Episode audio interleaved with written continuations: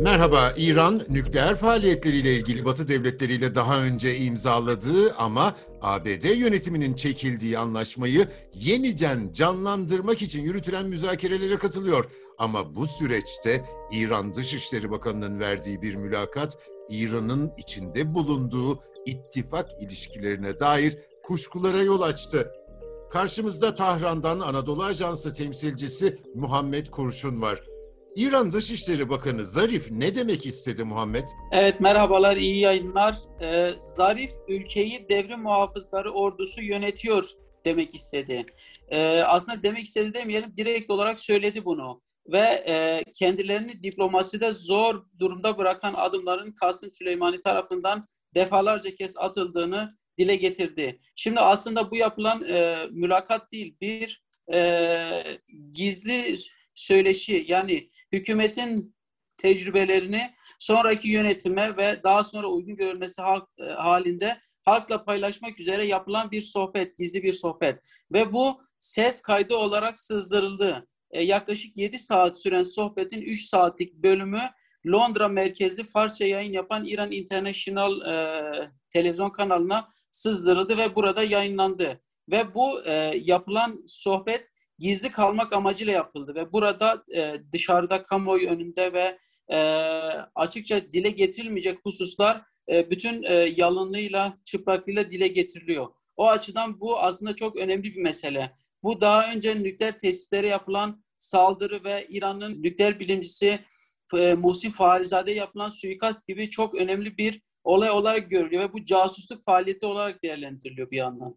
Şimdi anlattıkları arasında bir İran'da iplerin kimin elinde olduğuna dair mesele var. Bir de Rusya'nın İran'ın işlerini e, sabote ettiğine dair bir suçlaması var. Bunları biraz anlatır mısın verdiği mesajları? Şimdi Zarif'in burada söylediği husus çok önemli. Rusya nükleer anlaşmanın imzalanacağını anladığı andan itibaren engel çıkarmaya çalıştı diyor e, Zarif. Zarif'in ifadeleri aynen şöyle. Batı ile ilişkilerimizin normalleşmesi Rusya'nın çıkarına değil. Çünkü bu durumda Rusya iki zarar görüyor diyor.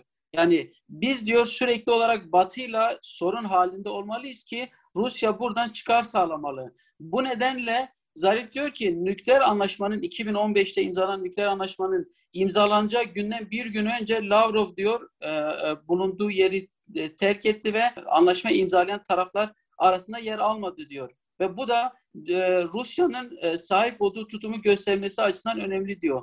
Bir diğer husus ise Zarif Rusya ile ilgili olarak e, Rusya bildiğiniz gibi Suriye'deki savaşa 2015'ten sonra dahil oldu. Ve İran'da yaygın bir kanı var ve bunu övünerek dile getiriyorlar.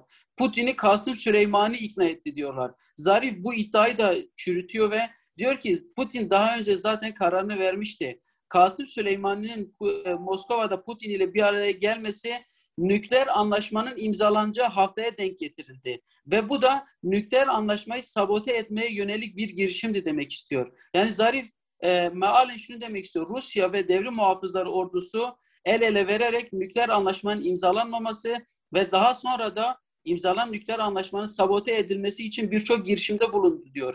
Ve e, Tahran'daki Suudi Arabistan Büyükelçiliğine saldırıyı da bu kapsamda değerlendiriyor. E, ABD'nin muhtelif hedeflerine yapılan saldırıları ve İran'ın bu şehirdeki nükleer santraline yapılan saldırıyı da Zarif bu çerçevede değerlendiriyor. Yani Zarif aslında bu, e, İran-Rusya ilişkileriyle ilgili ve devrim muhafızlarının ülke yönetimindeki gücüyle ilgili Pandora'nın kutusunu açtı bir açıdan. Peki e, somut tepki geldi mi? İran'dan muhafazakar e, kesimden özellikle çok ciddi tepkiler geldi.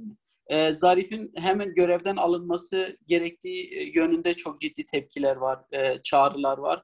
İran meclisindeki muhafazakar milletvekilleri de e, hemen e, e, faaliyetlere başladı bu anlamda ve Zarif'in e, daha önce alınan iki sarı kartı vardı. İki sarı kart ardından yeniden e, meclisin Zarif e, aleyhine karar vermesi durumunda Zarif e, görevinden alınabilir. E, mecliste şu an bununla ilgili bir girişim var. E, bir diğer yandan ise muhafazakar gazetelerde biz çok sert manşetler gördük. Zarif'e hakaret içeren manşetler atıldı ve şu da var muhafazakar kesim bunun Zarif'in Cumhurbaşkanı adayı olmak için kendisi tarafından yapılan bir e, e, sızdırma e, olayı olarak görüyor. Yani diyorlar ki bu gizli kalması gereken bir sohbetti. Ancak Zarif e, muhafazakar kesimden puan toplamak için ve Cumhurbaşkanlığı adaylığını adaylığını garanti altına almak için bu e, ses kaydını sızdırdı diyorlar. Reformist kesim ise bunu Zarif'in adaylığını sabote etmeye yönelik bir girişim olarak görüyor. Yani konu biraz e, Zarif'in Cumhurbaşkanlığı adayına olup olmayacağı ve Cumhurbaşkanı adayı olması halinde kazanıp kazanmayacağı noktasına odaklanmış e, halde. Demek ki e, bu tartışmalar daha sürecek ve biz de senden bilgi almaya devam edeceğiz. Teşekkür ediyorum. Ben teşekkür ederim. Tahran'dan Muhammed Kurşun'u dinliyorduk. Hoşça kalın.